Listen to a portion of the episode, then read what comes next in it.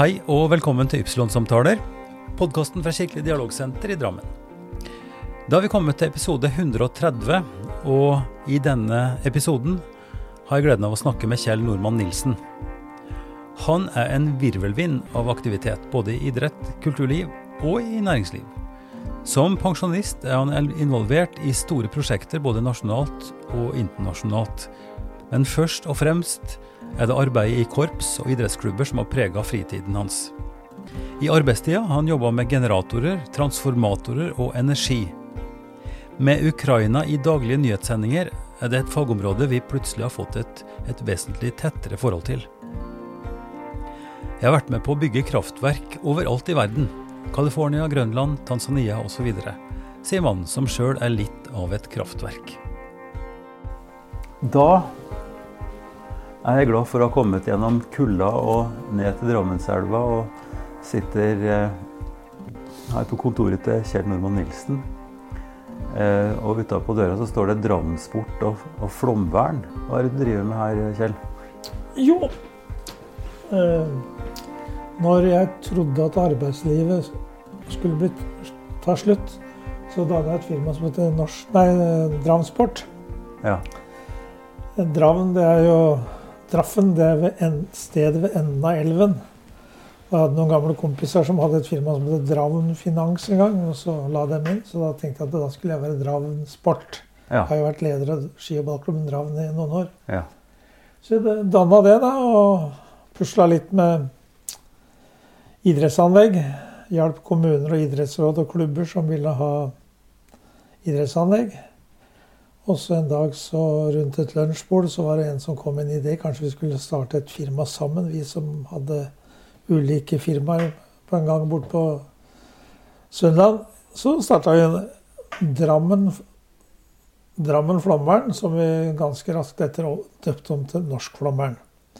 Hva, hva var grunnen til det? Det er jo et ganske langt sprang mellom skal vi jobbe med, med idrettsanlegg og idrettsrelaterte ting og flom. Det var en som drev med innovasjon og nye produkter og nye emner, og fant ut at eh, med klimaforandringene så vil eh, det bli våtere mange steder. Ja. Og eh, det går an å tjene penger på.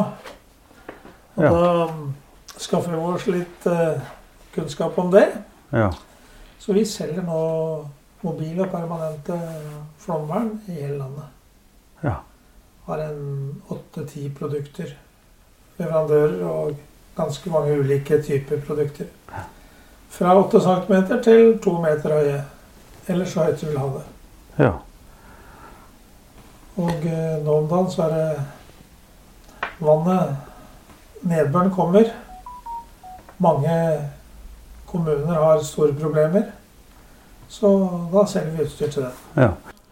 Rett og slett en idé, innovativ idé i forhold til klimaendringer og sånt som gjorde at du vil det. Men er ikke det Altså, du, du er pensjonist.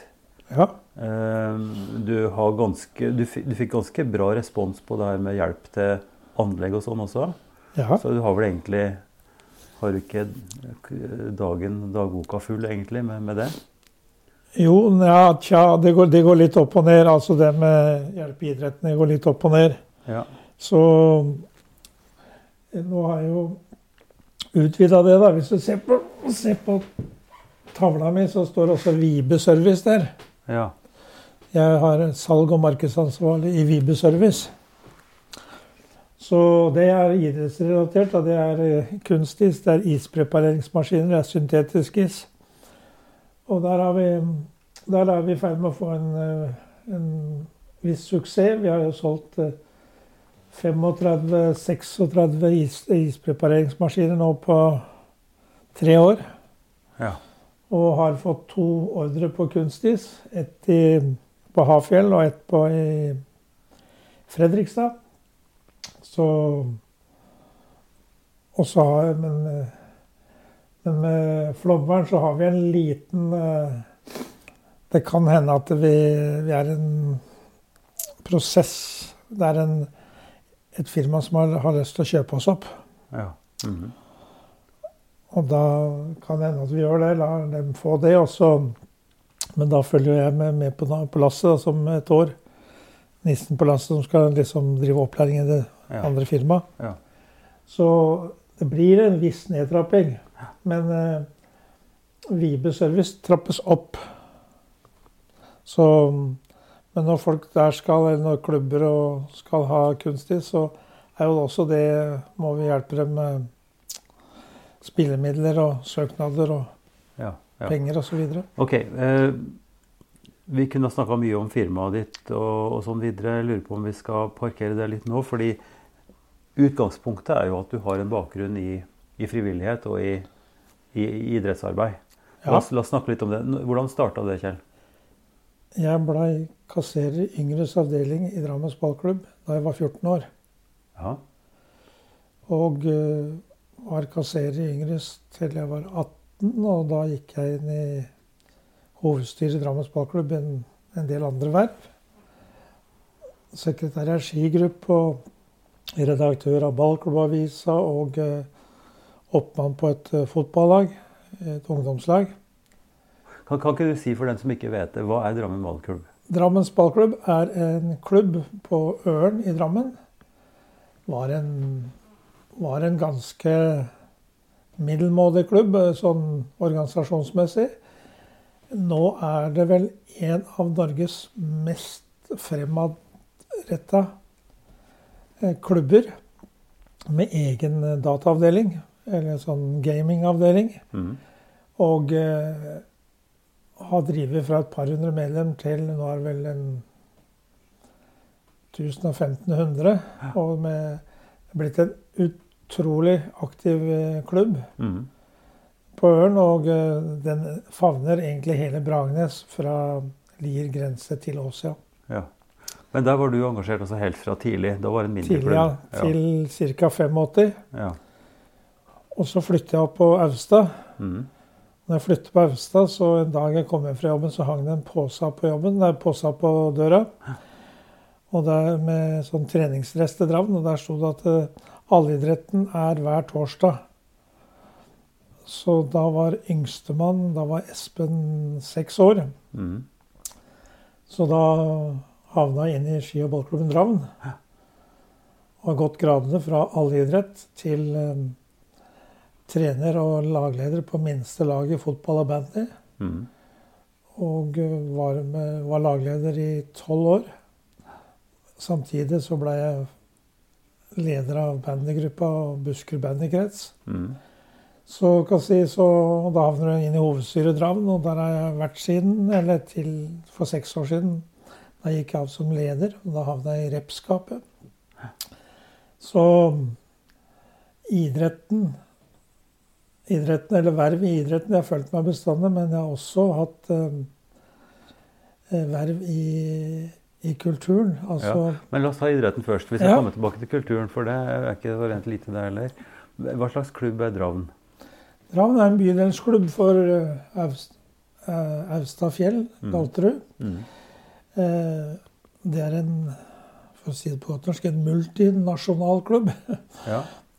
På Fjell skole er det 50-60 ulike mm, nasjonaliteter. Mhm. Så det er en klubb med ganske store utfordringer. eh, Personalmessig og eh, kulturelle. Så det er en helt annen setting enn i Drammens ballklubb. Si, si, si noen setninger om det. Hva er forskjellen, hvis du skal ha de store bokstavene? Hva, hva er forskjellen på å drive Drammen og, og ballklubben? Eh, På mm, Drammens ballklubb, der er det Det er en bydel med fælt, fælt lite blokker. Det er eh, familier med relativt god økonomi. På Fjell, så, hvor Drammen har nedslagsfelt, så har Drammen kommune 600-700 leiligheter som de gir til de som trenger dem. Mm.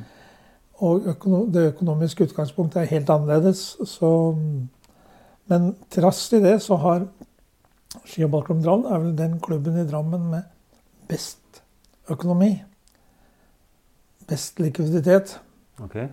Men en har en, en, har en utfordring i det å skaffe trenere og ledere, fordi at det, det er så mange nasjonaliteter mm. involvert. Mm. Når jeg hadde laget mitt, så hadde jeg vietnamesere, pakistanere, indere, tyrkere, marokkaner, eh, islendinger. Oppå alt, alt det norske så Vi hadde noen enkle regler. At eh, fra de kom på trening til de gikk igjen, så skulle alle prate norsk. For mm. jeg var veldig dårlig i vietnamesisk og alle de mm. andre språka. Jeg hadde få, men enkle regler, og eh, det har jo avstedkommet noen munterheter siden, da. Ja. Jeg hadde en, eh, en inder, indisk familie som kom til Drammen. De flyttet på Konnerud. Mm. Der trivdes de ikke, for der var det Blendavit. Mm. Så flyttet de ned til Dannevik, og så ja. havna han på laget mitt. og uh, Han fikk et lite kultursjokk da han var liksom alt sammen med alle de andre. Mm. Uh, og så gikk det noen år, da, så skulle jeg på et næringslivsseminar på Union. Hvor kommunen og fylkeskommunen og ja, det var en 300-400 mennesker, hvor denne gutten da holdt et foredrag. Han var da blitt teknisk direktør i Eltec. Ja. og um, Satir. ja. Så hadde han en sånn powerpoint-presentasjon der, og så plutselig så var det et svært bilde av meg oppå veggen her. Så han der, sånn. Han der bildet der.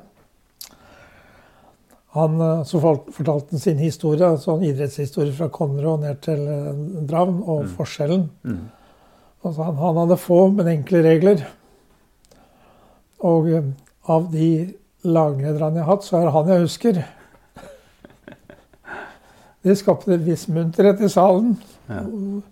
To, to, minutter etter foredraget var ferdig, så hadde både ordfører og fylkesordfører på nakken. ja. hva, hva jeg driver med.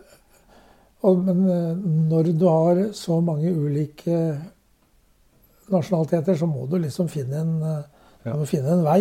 Ja. Du må, mm. Og du må behandle alle likt. Det Men han tok det på kornet, da. Ja. Så, så du kan si Og det har jeg Når, jeg var, når laget mitt var ferdig, da når det gikk fra junior til senior, mm så skulle kaptein på laget, Fredrik Høyen, han holdt en tale i det siste selskapet. Så sier han Kjell, vi blei aldri kretsmestere. Vi blei aldri norgesmestere, men jeg tror ingen har hatt det så gøy som oss. Så da, da mener jeg sjøl at da har jeg lykkes. Og vi ja, begynte jo med seks, og vi endte med borti 30 stykker på laget. Ja, mm. Så da De fleste andre klubbene går den andre veien. Ja, vi, mm, mm. Så vi må ha gjort noe riktig. Nei, for det er mange som hopper av, eller som, eh, som, ikke vil mer når det blir et visst trykk. Men det er jo når ambisjonen blir, blir høyere enn en hva som på en måte de fleste ønsker å henge med på. At det, det morsomme og det avslappa blir borte, og så blir det mer sånn kadaverdisiplin. Og... Ja, og så er det det at eh, vi jeg, alle, alle, fikk spille. Altså vi, hadde, vi lagde to lag, så alle fikk spille mye. Mm. Mm. Der, vi lagde ikke noe førstelag og annet lag. vi lagde et City United. Og det gjorde at eh, alle følte mestring på sitt nivå. Og gjennom i og med at vi ikke lagde noe førstelag og ekskluderte mennesker, så ble de værende. Ja. Mm. Men, men, grunnen til at du gikk inn i det laget til å begynne med, var altså at du fikk en pose på døra fordi at laget Du hadde en gutt som, som passa i aldersgruppa? Som skulle på allidrett. Ja. Og, og første økta var svømming i Galterudbadet. Ja. Katrine, Ber Katrine Kirkvåg hun tok den økta. Jeg ja. sto på land. ja. Eh, kanskje vi skal si litt om din egen barndom og oppvekst. Hvor er du vokst opp hen? Bak trea der. Og da, Bak, da, peker du over elva? Over elva. Ja. Forbi Bakkeparken i Rosenlandsgata. Ja. Eh, det er vel det som eh, bolig meglere nå kaller Nedre Ørn. Ja, ja. Mm. Jeg kaller det Bakkeparken. Ja. Født og oppvokst i Bakkeparken. Det vil si jeg er ikke født der. Jeg er født i Svarsgate på Strømsø. Ja. Og når jeg var åtte måneder, så flyttet foreldrene mine til Rosengansgata. Så jeg har hatt hele min barndom der og gått på Bragernes skole. Ballklubben Ørnebanen den ligger 200 meter litt lenger opp. Ja. Så det var den naturlige klubben. Hva slags hjem var det du vokste opp i? Var, jeg var yngst av fire mm. i en firemannsbolig. Og det Fattern jobba på jernbanen. Mutter'n var korrekturleser i Drammens Tidende. Ja. Hun var veldig aktiv i, rundt Landforlaget kapell. Ja. Og satt også i menighetsrådet i, i Bragnes Mm. noen år. Hun følte seg ikke helt komfortabel med det, for um, dette var jo på 60- og 60-tallet. Mm. Menighetsrådet, det var Det var vel fordi Ja, det var Hun syns Hun inndelte byen i klasser. Ok, ja, interessant. Så mm, hun mente vel at, ikke at hun var i den klassen som skulle bekle et menighetsråd. Nei. Da kom Dagfinn Hauge, biskopen, på Mm. besøk. Mm. Sa fru Nilsen Døra er høy nok for alle. Ja, hun syns, hun syns han var for lav. Mm. Og da, De hadde en lang diskusjon om det, Ja, Hauge og hender. ja. Så når det er sagt, så kan jeg si at, det, i at hun var en ganske fargerik person. Så vi hadde mange prester, proster og biskoper på hjemme. ja. Hun var en fargerik person. Si litt mer om det. Jo, hun eh, Hun var veldig aktiv i, i husmorlaget og ble også aktiv rundt eh, eller Bragnes kirke og Bragnes menighet. Ja. Hun skrev bl.a. på slutten av 60-tallet en artikkelserie om alle menighetene i Drammen som var den gangen. Ja. Den gangen var det 17 menigheter, og den eh, mest uh, ut på Siljen, ja, det var den jarlsbergske frimenighet. Som gikk Ja. ut av statskirken Ja. i, midt på 30-tallet. Ja. Da, da de innførte ny lesebok i grunnskolen. Den var ikke de i Botte helt enig med, så da la, de, de gikk ut og laga sitt eget trossamfunn. ja. Det, det finnes enda, tror jeg. Dette var før eh, arbeidsinnvandringen. Ja, ja. Mm. Og den, eh, hun hadde en serie som gikk i Drammens Tidende, og eh, det ble 17 lørdager etter hverandre. Og den ble, den ble også samla, så den var også mm, stoff for eh, barne- og ungdomsskolen. ja. Er det ting som du har liggende, som du Nei, kan finne tilbake dessverre. til? Nei. For det er jo veldig interessant. Jeg kan jo si at eh, at Drammen som, som, som by og som område er vel også særprega med nettopp av det. Altså at det er veldig mange ulike eh, kirkesamfunn. Eh, altså I tillegg til Den norske kirke så har du altså baptistene, det, metodistene, Ja. pinsemenigheten osv. Pluss nå alle de som har kommet med, med arbeidsinnvandring og, og innflytting ellers. da. ja da, vi hadde jo besøk av alle disse her, da, så jeg mm, hilste jo på forstanderen og eh, presten i mange av disse kirkene, Mm. kirkesamfunnene. Mm. Det var mange der som var oppe og retta seg sjøl både to og tre ganger. Å ja, altså i forhold til Intervjuet. Teksten, Ja. Mm. Så Nei da, det var uh, artig tid, det. ja. Eh, vil du si at det òg har påvirka ditt forhold til, til kirke og menighet? For du har jo et skal vi si, altså Det er vel ikke der hovedengasjementet mitt ligger, men du, vi har jo møttes i kulturkomiteen i Fjell f.eks. Du kan si at uh, uh, Mutter'n var jo veldig mye var jo organisasjonsmenneske. Mm. Og når jeg ble da kasserer som 14-åring, Ja. så ble liksom veien kort. Jeg og en til, vi, vi var vel ikke de beste på laget, så han treneren Asmund Sandli fant ut at han måtte finne noe oppgaver til oss òg. Mm. Så jeg var jo nærsynt som bare det den gangen. Og det var ikke alle ballene traff. Nei. Nei. Sånn at, eh, men vi drev med fotball og bandy og ski. Og eh, noen må gjøre liksom det papirarbeidet, så da blei det Ja, en skal både ha lyst til det og litt evne til det. Det er jo åpenbart Ja. at du har, har et gen for organisasjonsarbeid. da. Du fikk jo sikkert noe fra mora di da? Ja, for uh, fattern var eh, Han satt bare i valgkomiteen i, på Jernbaneforbundet, altså lokalt. Mm. Sånn, ja, altså, jeg har en bestefar da, som var varaordfører i Botn i sin tid. Ja. Men, eh, men, Kjell, var det også sånn at fordi faren din jobba i jernbanen, at dere òg hadde mulighet til å reise med jernbanen? Eh, det er noen som har fortalt om det, at du da fikk mulighet til å kunne ja, Vi gjorde, reiste aldri langt den. Jeg reiste til, fra Drammen til Sande og reiste ut til besteforeldrene på Bekkstranda. Ja. Halv tre-tog om uh, lørdagene. Ja. Hjem om søndagen. Mm. Vi benytta aldri den uh, Ja, For det var fribilletter, ikke sant? Det var fribilletter, ja. Ja, ja. ja, ja det, det var Nei, så han Min far sa det at han kjørte tog så mye, så han ville ikke gjøre det i fritida. Nei. Akkurat. Så det blei ikke noe Det blei ikke si Det lengste jeg har vært på ferie med min mor og far, de kjørte meg på Lillehammer i 66, da vi skulle være med Norges nasjonale ungdomskorps. Ja. Da avleverte han meg der, men vi, tok, vi ble henta av noen andre hjem igjen. Ja. Men i tillegg til at du, du var engasjert i, i, idrett og sånn som ung, så det var skolegang, hva, eh, hvordan, hva var interessen din sånn eh, fag, faglig sett? det, eh, altså interessen den gangen, det var jo det var idrett og musikk. Mm. Begynte i Drammens Guttmusikk i 61. Og så gikk guttmusikken til 69, og så begynte ungdomskorps i Drammens ungdomskorps i 66. Det var et ganske De hadde lav musikalsk standard. Okay. Og så fant noen av guttene fant ut at man skulle kanskje endre på det. Så Ja. man ansatte Rolf Andersen. da.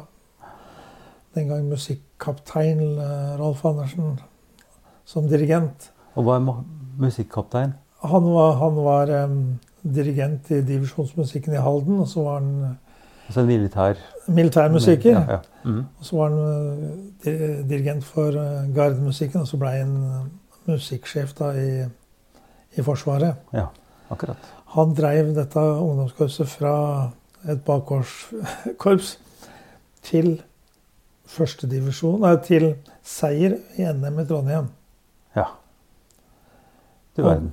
Så kan jeg si vi hadde en musikalsk reise da. og Jeg må vel si at eh, på slutten av 60-tallet så blei musikken mer viktig enn idretten. Mm. Fordi at eh, i musikken så er det ikke noe reservebenk. Nei. Så kan jeg si at eh, da blei det der. Og i og med at vi hadde et veldig bra korps. Og hva, hva er det som gjør at et korps blir bra, Kjell? Øvelse, øvelse, øvelse. Og vi hadde jo selvfølgelig med en, en del enkeltpersoner som var innmari gode til å spille. Ja.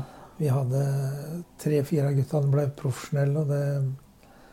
Men eh, når vi skulle til Trondheim Men, men det måtte jo også være ledelsen. Det Er mitt poeng nå. Ja, det, det er- det er noen som, selvfølgelig. Som, som- det var eh, Som drar lasset, og som på en måte statuerer et eksempel og holder trådene osv. Ja da, vi hadde Henry Steen Hansen. Han spilte ikke sjøl, han, men han var eh, Han var ikke formell leder, men han var den uformelle lederen Mm. som gjorde alt. Mm.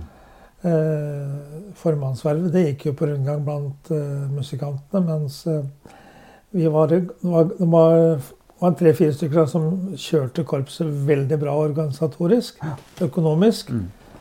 Og så da fikk de tak i en stjernedirigent, og dermed så Men vi Den gangen så måtte man spille kvalifiseringsrunder for å komme til Trondheim. Ja. Så vi var først en tur ute på Høvik, Mm.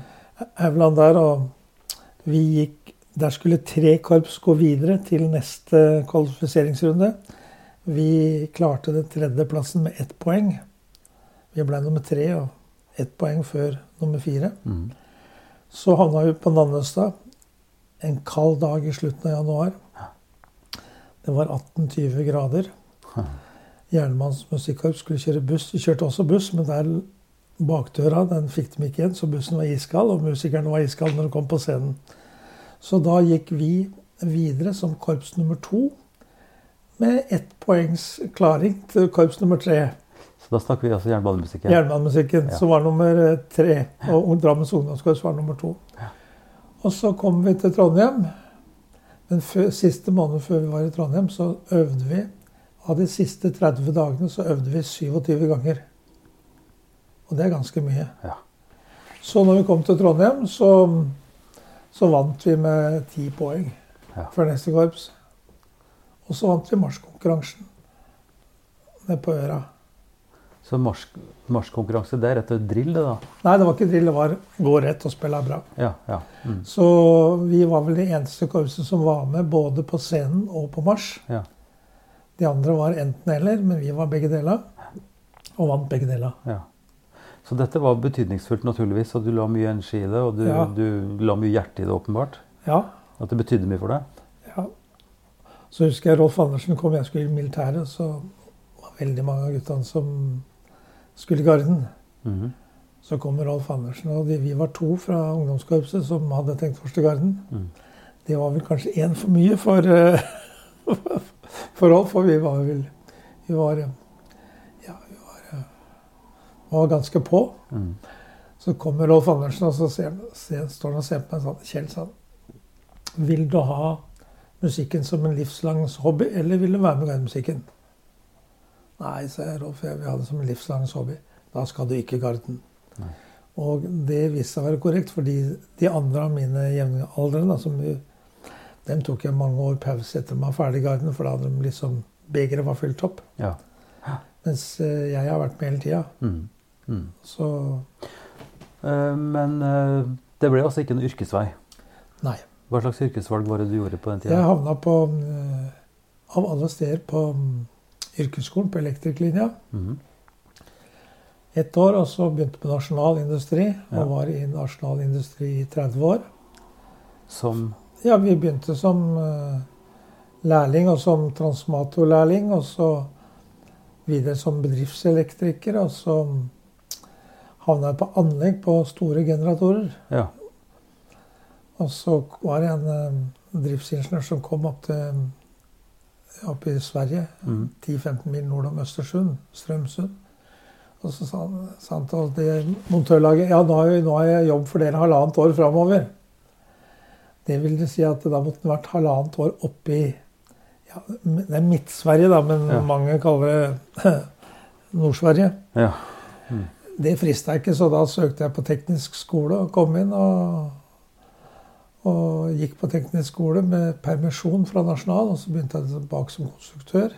Som Konstruktør, trafokonstruktør. Og så var jeg det noen år, og så ble jeg mm, havna på mm, innkjøp. Og så ble jeg transportsjef. Så jeg var transportsjef i åtte-ti år. Ja. Det vil si at da fulgte du etter Du la opp transportruter for traf og generatorer i hele verden. ja, ja, ja. Så jeg hadde 15 år med relativt mange reisedøgn. ja. Men jeg holdt på med både musikken og eh, idretten samtidig. Men poenget er at når vi nå starta opp med å snakke om, uh, om den businessen som du har begynt etter, etter at du var ferdig som, som pensjonist, så betyr det at du hadde mye erfaring fra industri og fra, og fra eh, ja, distribusjon eller logistikk og alt det der som, som åpenbart må være en ganske stor del av det som du driver med nå. Ja da, både transport og eh, Du kan si når du reiser rundt omkring i Norge og har idrett eller musikk som hobby, Mm. da har du felles samtaleemne med stort sett hele Norge. Så et lite eksempel fra Stokmarknes. Det hadde vært dårlig vær i Lofoten og Vesterålen. Så Mm. det lynnedslag på en trafo oppe i Lofoten. Og det, det avstedkom at en um, transformatorstasjon i Melbu den eh, så ut som ei krølla Fellerud. Ja. Så jeg ble sendt opp da. og Fikk beskjed om hos E-verksjefen. Mm. Han hadde det flotteste kontoret i hele Norge. På kaia på Stokmarknes. Fantastisk utsikt. Han så sydgående og nordgående hurtigruter komme inn. Mm. Der satt han i det, i det kontoret, og når jeg kom inn, han hilste ikke. Han satt i telefonen og var sinna som meg toppe. Ja. Så gikk jeg ut til ham og spurte kontorama. Han sinnatagende hva han driver med. Ja. Nei, sa han. Han spiller fonum, sa jeg. Noe korps. Aha, sa. Da har vi. Så gikk jeg til ham, og så snudde han seg og spurte hva jeg skulle for noe. Jeg fortalte at jeg var fra ABB i Drammen. Og... Men eh, jeg syns det er veldig rart at en som spiller eufonum, knatrer som en sinna trompet. Spurte hva jeg visste om eufonum. Jo, det veit jeg relativt mye om, seg, for jeg spiller også eufonum. Og dirigenten min sa han heter Bjørn Bogetvedt. Han spiller eufonium i marinemusikken.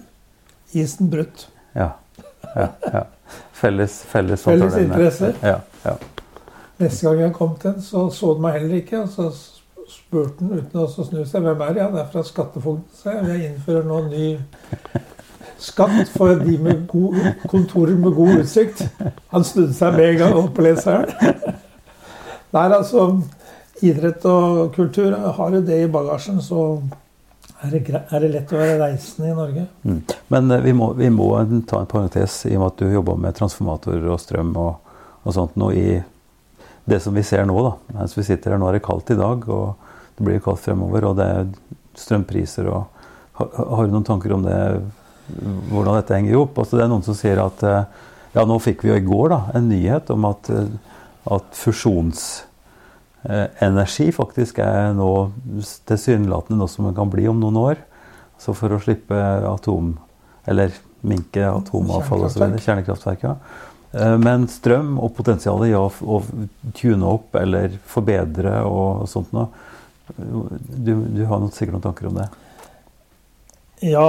Når du har reist rundt på kraftstasjoner og trafostasjoner i Norge i 30 år, mm så er det mange Og vi leverte bl.a. den store generatoren på Svartisen. Mm. Og når du veit at det ikke går noen ledninger fra Nordland til, til Nord-Trøndelag, det er jo litt snodig. Historia er at eh, Statnett og Statkraft begynte å krangle om hvem som skulle betale det. Hvem skulle betale linja fra Svartisen og sydover? Mm. Og der blei de aldri enige, så da blei det ingenting. Men Eh, jeg er av den formening at eh, vi hadde et veldig bra energisystem fram til 91, og det er synd vi la det på båten. Strøm egner seg ikke på børs, for å si det på godt norsk. Mm. Det egner seg slett ikke på børs.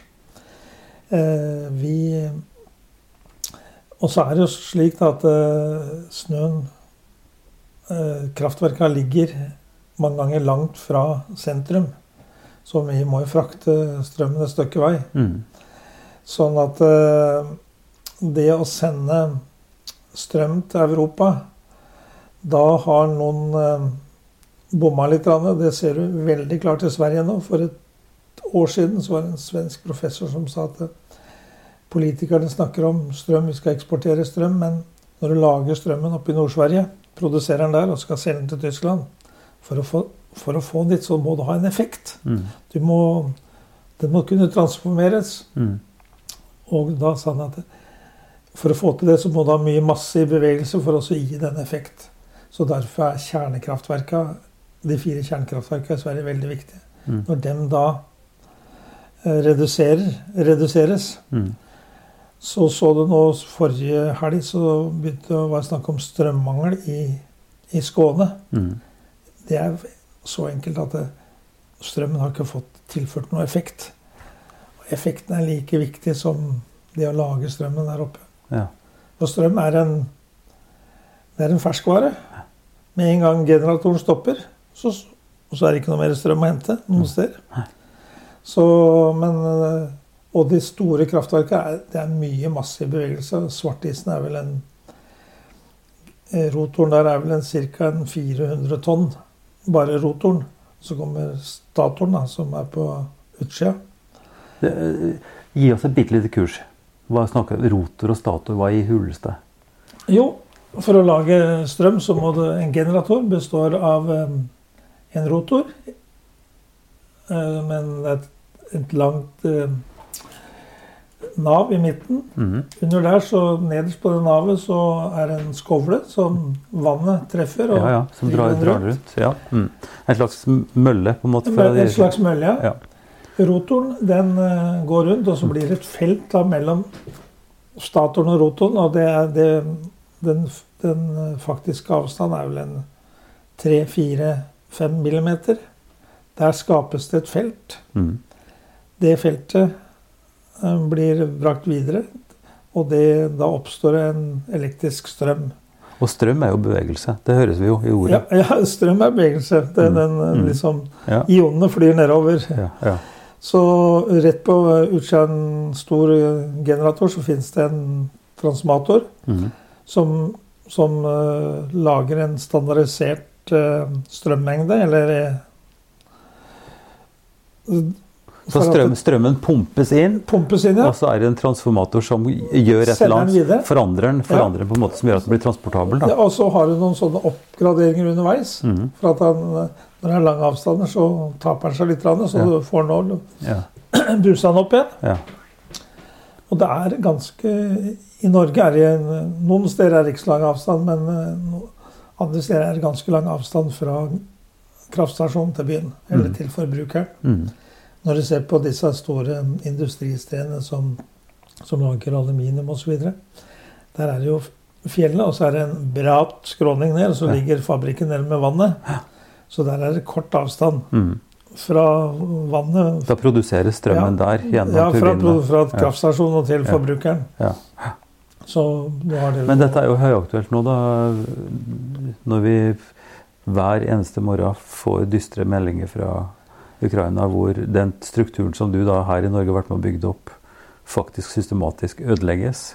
Det er, det er, det er, en, det er, en, det er en krigsforbrytelse.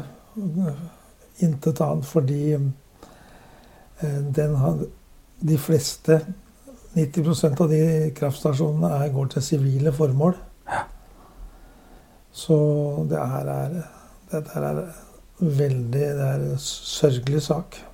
Når hele storbyer og store områder blir lagt, lagt i mørke og uten energi. Uh, Ut ifra din ekspertise, da, hvor Altså, hva skal til igjen da, for å Og det er, det er en kraft det, det er en, Hele Europa kommer til å få en eh, kjempejobb med å bygge opp igjen infrastrukturen, den elektriske infrastrukturen i Ukraina. Eh, Ukraina har jo ikke så veldig mye vannfall, så det må jo noe kjernekraftverk. da. Mm, Sånn at, eh, Men eh, du må bygge opp kjernekraftverka, få dem oppegående igjen. Du må bygge opp nettet, du må ha trafor, du må ha nett, og du må ha eh, nye trafor på utsida av byene, så du får, får strømmen ned på det nivået som du kan ha bruk rundt i byen. mm. Ja, det blir en kjempeoppgave. Det, der. det blir både elektrisk mye arbeid, og det blir bygningsmessig.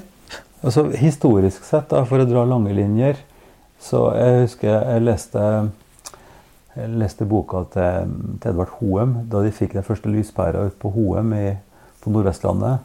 Og, og fra min egen barndom òg, jeg er født i 55, eh, når vi flytta inn på gården som foreldrene mine tok over, eh, så var det vel det var vel ei lyspære som hang inn på kjøkkenet, tenker jeg. Ja, Altså, og og, og det, fra, fra den situasjonen, da, som er innafor min levetid, og, og er vår levetid, og fram til nå, hvor ekstremt avhengig vi er av el. Ikke bare for å holde varme og, og, og, få lys, men, men hva det betyr for, eh, alt du gjør i hverdagen. for alt. Altså for drift av eh, hele internettsystematikken, med, med drift av infrastruktur til beslutninger, sikkerhet. Er- Altså, så når, når, når elstrukturen og den, den energistrukturen brytes ned i et land, så er vi tilbake igjen på, ja, er på 20-tallet. da. 30, ja, eller tidligere. Eller når det er ingenting, så er det jo ingenting. Da er det ingenting. Men da- eh, når jeg begynte på Nasjonal i 70, og var de første reisejobbene og var rundt omkring, var oppe i Setersdalen. Det er liksom, da var slike tilstander som du så på når du reiser og ser på museum nå. Mhm. Eh, Det, det, liksom, det, var, det var virkeligheten i 70. Ja.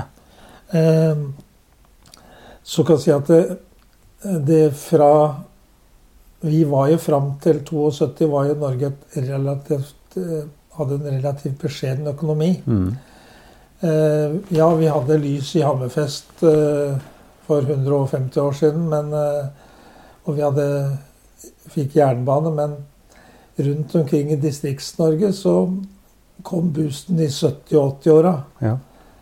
Eh, så kan jeg si Vi har også sett, vært på gamle kraftverk, og de var særdeles enkle. Mhm. Eh, Så det, vi, har en, vi har vært med på en utvikling. Altså vi har brukt strøm fordi at den har vært billig og tilgjengelig, og Mhm. bestandig vært nok. Mm. Så kunne vi bygge landet Mm. med hjelp av strømmen. Mm. Og det Det er litt synd at eh, vi har havna i det uføret vi har gjort nå. For når vi snakker om miljø, så kan jeg si de landa Hvis du ser bort fra Sverige Når det kommer til Danmark og sydover, så De fleste landa har jo fått strømmen sin fra kullkraftverk og andre. Mm. Slik at eh, når de var i Paris en gang og snakka om skulle bli så og så bra, så Vi hadde jo da 100 års fors øh, forskudd Mm. i forsprang. Mm. Fordi vi hadde allerede brukt, strøm, eller brukt strøm som en kilde, en Mm. vannkraft, Mm. og øh, som var forurensningsfri. Så det krangelen sto om i Norge, det var om hvilke vassdrag vi skulle bruke. Det var det krangelen sto om. Ikke Vi skjønte at vi måtte ha mer kraft. Mm. Sånn at øh, Jeg husker jeg var på et kraftverk nede i Vamma. Det var bygd starta i 1907 og ferdig i 1910 eller 14. De har gått, de gikk kontinuerlig fram til eh, 98. Den ene trafoen som ga stasjonen lys, den hadde aldri vært slått av. Hm. Så kan jeg si Det er eh, vi Men det er liksom Dette har kommet over så lang tid, så vi har tatt det, vi har tatt det som en selvfølge. Som en slags naturlov? Ja, og fram til 91 så var jo strømprisen lik fra Kirkenes til Farsund. Mm. Og den var politisk bestemt. Mm. Men det var lik pris. Mm. Det var på bensin òg, men eh, Så vi har bomma litt eh, vi, et eller annet sted på veien. Ja. Det her er jo et kjempestort felt, men, men jeg syns det er interessant både av din fagkunnskap, men òg at, at vi nå er i en situasjon hvor det faktisk er en trussel mot, mot energiforsyninga, fordi vi også er en omstilling. Da. Det er veldig mye prat om det grønne, det grønne skiftet og, og, og tanken om at når vi vet at energibehovet vårt er så stort og økende Norge er jo på et godt sted, for å si det forsiktig, i forhold til mange andre som, som er nødt til å bygge opp energien sin for å komme på et eh, bedre sted økonomisk og, og på en måte for å, for å få opp levestandard og sånn. Men i et, hvis vi skal ta de store linjene da, Kjell, med, med det globale, hva slags nivå er det rimelig å skulle forvente å legge seg på når, når vi ser de ekstreme utfordringene som, som vi har nå med energi? Jeg har jo vært så heldig for å reise litt rundt i verden. Og vært med på sånn Vært med på steder som ikke har hatt strøm, som har fått strøm. Blant Mm. i Tanzania, Mm. hvor uh, Nasjonalindustri, senere ABB, bygde en transformatorfabrikk. Mhm. Når den var ferdig, så oppdaga man at kanskje vi må skape noe forbruk. forbruk. Mm. Så da begynte man å lage kokeplater og lysstoffarmatører. Mm. Fordi at eh, det hjalp ikke å få strømmen ut til ei lita bygd ut ute i Tanzania hvis de ikke hadde noe å bruke den på. Mm. Så da, da begynte vi å lage Og da hadde vi allerede Nasjonal industri var jo kjent for sine deltakomfyrer. -hmm. Da måtte vi gå tilbake til Kervel og spurte om å få lov til å, kjøpe tilbake eh, de, alt utstyret som trengtes for å lage kokeplater. Mm. Så der nede hadde de ikke strøm, men de fikk strøm og var veldig glad. Mm. Eh, de hadde mye vann mange steder. De hadde nok av vann, men eh, de fikk ikke eller gjort om til kraftverk. Mm. Så Norad var jo med på mange prosjekt der.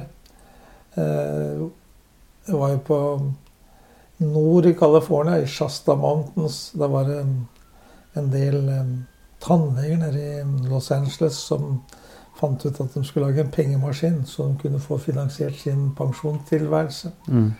Men de fikk ikke lov til å bygge kraftverk før de hadde solgt strømmen.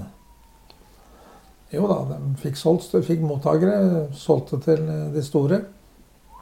Og da var vi nord i California og, og, og satt på plass et, et, et, eh, kraftstasjon. Det er den enkleste kraftstasjonen jeg har sett noen gang. Det var et stort vann. Mm. Der lagde de en mur, Mm. høl i muren, og så var det to rør ned til en kraftstasjon som sto ned en skråning på ja, et par hundre meter. Der sto det en kraftstasjon oppå bakken. Vi har aldri Altså, det er, den enkleste kraftstasjonen jeg til dags dato har sett. Og den, eh, De eh, produserte De fikk jo dette her i stand og produserte strøm. Og de tannlegene de ser en lys tilværelse. Så selv om det er en rik del av verden som California er, og motsatsen på, i Tanzania Men jeg har også vært med på bygd kraftverk på Grønland. Mm. Utenfor Nuuk, altså Gottob, Mm. så hadde de et vann. og det var, Selv om de ikke fikk påførsel eller nytt vann, så var det nok i magasin til å, by, å drive et kraftverk i tre år. Så fra den dammen så ble det laget en tunnel, og så ble det laget en kraftstasjon. Da. Det var bare nordmenn. Det var et norsk prosjekt. Mm. Så lagde vi ei linje på seks mil fra det kraftverket og inn til byen Nuuk. da. Og, eh, og en trafostasjon, trafostasjon der, og så, som skulle liksom Dette gikk fint. Men der hadde de flytta fangstfolk inn i blokker. Ja. Når de her mastene kom nærme byen med isolatorer, de var jo veldig gode å trene på når de skulle skyte. Så de skjøt i stykker strømmen sin. Så måtte vi ta vekk to master for å bake nå, sånn at de ikke var noe skuddlinje, da, så de ikke fikk noe skytetrening, disse kam kameratene. Så jeg har vært med på mye rare prosjekt. Fra det, men den, eh, det, det kraftverket på Grønland, det og går. Det er overtatt av eh, lokale myndigheter. BKK drev det i 15 år, og så er det nå overtatt. Og det, det var et artig prosjekt. Ja, det høres, eh, det høres eventyrlig ut. Grunnspørsmålet står jo fortsatt. altså Hvor skal vi hente strømmen fra videre? Nå ser det ut til at, at smelt, nedsmelting av, av breer og, og vann og sånn Du snakker om USA. Det har jo vært bilder fra store innsjøer som eh, er tomme. Elver eh, så, Sånn at forholdet mellom vann og strøm òg er jo et Jeg tror spørsmål det er vann fremover. nok i Norge for å drive norske, norsk leve til norske kunder. mm, Vi har altså, selv om det, noen breer smelter, så er det nok nedbør, og vi har store, veldig store vannmagasin. Men de to siste kablene, som jeg kaller eh, drensrør, de har så stor kapasitet at de store magasinene er ikke store nok til å Hvis vi skal eksportere strøm, så mm, eksporterer vi i, et, eh, i en mye større fart enn det vi klarer å produsere. mm, Og da vil vi fort komme inn i en, eh, en litt kinkig situasjon. Eh, Jeg er vel av de som Jeg tror vel ikke at batteridrevne biler er den lureste ideen her i verden. Fordi at eh, i et, i et eh, bilbatteri så finnes det en del grunnstoffer som du tar fra Kongo og Chile og sånt noe. Og eh, vi utarmer fattige land. Vi bruker ekstremt mye vann for å, for å produsere det, det grunnstoffet, og det er barnearbeidet. Så havner eh, økonomien i, tilbake til Kina, for Kina har kjøpt opp nesten alt sammen. Så, og hvis f.eks. England, alle bilene i England skulle erstattes med elektriske biler, så finnes det ikke nok med, med dagens teknologi så finnes det ikke nok grunnstoffer i verden til å dekke det behovet. mm, Så jeg tror at vi må finne oss en annen energikilde. mm, Jeg tror kanskje hydrogen eh, Mm. kan være en, en mer befarbar vei. mm, Den ødelegger ikke naturen. Og, den, eh, så, og jeg ser også nå Bl.a. i Fredrikstad så har de fått eh, sånn miljøbedrifter. Du har batteriretur, og så har du Hydrovolt som skal resirkulere gamle batterier. mm. Eh, De klarer vel bare å ta ut ca. en tredjedel av nyproduksjon. Det er det som blir, blir resirkulert PT. Mm. Og så flyr vi på en del andre utfordringer, fordi at eh, hvis du Når du samler inn batterier, og du skal lagre det, og du tar, de, tar ut grunnstoffene, så hvis du er litt uforsiktig og får to ulike stoffer ved siden av hverandre, så, så skjer det noe mellom dem. Utvikler varme, og så begynner det å brenne. Og det, det er en del eh, momenter her som eh, vi ikke har fått med oss. Og når du ser veldig mye av de brannene vi har nå i dag, det skyldes enten elsykkel eller elbil. Mm. Og jeg var på en um, var sammen med Nedre Romerike brannvesen. fordi at man eh, hadde man leita etter nye veier å slokke bilbranner på. Mm. De lurte på et av mine produkter kunne hjelpe dem, og vi prøvde, og det gikk dessverre ikke. Men da tok de hele bilen og senka den ned i et vannkar. Da er den finita. Den, er, og så er det at eh, mindre elbiler de har en kjernetemperatur på ca. 800 grader, mens Tesla har på ca. 2000 grader for en, en annen type batteri og mye større batteri. Når du får en 2000 grader, så er sjansen for reantenning ganske stor. Mm. Så vi, vi, vi lærer litt underveis her. Altså vi får litt uh, ny kunnskap. Mm. Så teknisk eh, art så jeg sånn eh, eh, Men tilbake til det med det de fant ut i, i USA i går, eller foregårs Det Hva de sa det, det er veldig spennende, men det tar nok noen år å utvikle det slik at det kan bli tatt til allmenn bruk. Absolutt. absolutt. Eh, Men når det er sagt, så jeg har vært noen turer nede i Cern, altså på grensa Mm. mellom Sveits og Mhm. Frankrike. Akseleratoren. Akseleratoren, ja, når, når, når de rette menneskene får eh, interesse for en ting, så går ting veldig fort. Da går utviklingen veldig fort, sånn at eh, jeg er ikke fullt så pessimistisk, men eh, eh, vi, det er nok kanskje Vi må inngå noen kompromisser. og i, I Sverige så har vi fire store kjernekraftverk. I Frankrike så har vi mange små kjernekraftverk, en litt annen teknologi. Det kan hende at vi vi må se på muligheten av å Den franske muligheten. Mm. For nå snakker vi om du har, du har jo krigsskip som går på kjernekraftverk. Mm. Det I går så var det en eh, artikkel som sier kanskje kjernekraft eller mindre sånne reaktorer er redningen for cruise og båter. Mm. Eh, de som Altså hele skipsfarten er jo svært forurensende. Sånn at eh, det er mange steder kan redusere mye, og blant annet der. Men eh, det som jeg hører, og, det vi vel har snakka om før, det er altså at eh, hydrogen eller, eller fusjonskjernekraft kan være utviklingsområder som gir litt lys i tunnelen da, i forhold til de utfordringene vi står i. Men det meste av det lyset vi har i tunnelen, det må vi jo skape oss sjøl, kanskje sånn fra dag til dag. Og da snakker vi om kulturopplevelser. Du har spilt i korps hele livet, og, men du er også engasjert veldig i, i annet kulturarbeid. Altså du, du er jazzinteressert. Du har vært med og utvikla og jobba for å få opp Friluftsmuseet. ikke sant? Du, det, er, det er veldig mye tid du jobber og bruker mye tid på, da, i tillegg til det tekniske, eh, jobbmessige som vi nå har snakka litt om. Eh, hvorfor syns du det er viktig, litt sånn overordna? Hvorfor gidder du å bruke så mye tid på det? Alle, uansett hva du jobber med i, til å tjene livets brød, så må du ha litt, du må ha litt påfyll. Du må, få, du må få litt andre ting inn i systemet. Eh, jeg har jobba med mange som er rett var på godt norsk kaller fagidioter. De tenker fag 24 timer i døgnet. Mm. Hvis du utvider horisonten litt, så får du en del impulser du kan også ta med deg i, i, i yrkeslivet. Mm. Eh, Jeg tror kultur blir mer og mer viktig. Og eh, et lite eksempel. Eh, Ungdom eller yngre mennesker på en 25-30-35 år Hvis du spør dem om f.eks. hvem Torleif Haug var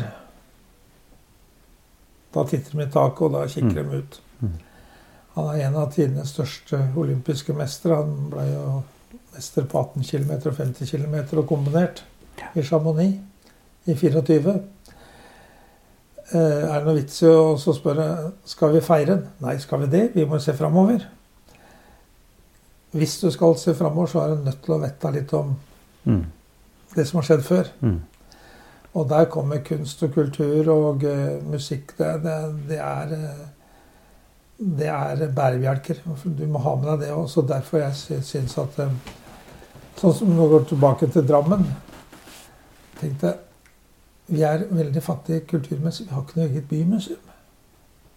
Nei. Vi har ikke noe bymuseum. Hvordan, så hvis du går og reiser til Horten, så har vi et aldeles praktfullt bymuseum. Men vi har da et museum i byen. Vi har et museum i byen, men eh, de meste som kommer der, de kommer fra Hallingdal og Numedalen. Og, så det er, ingen så, det er svært lite som forteller om byliv. Ja. Mhm. Vi har en bygning på Spiraltoppen oppe på Friluftsmuseet, Tollbugata, som vi kaller det. Det var en bygård som har flyttet opp dit, men vi har liksom ikke noen nede på Drammen museum som forteller dette her er Drammen. Mm.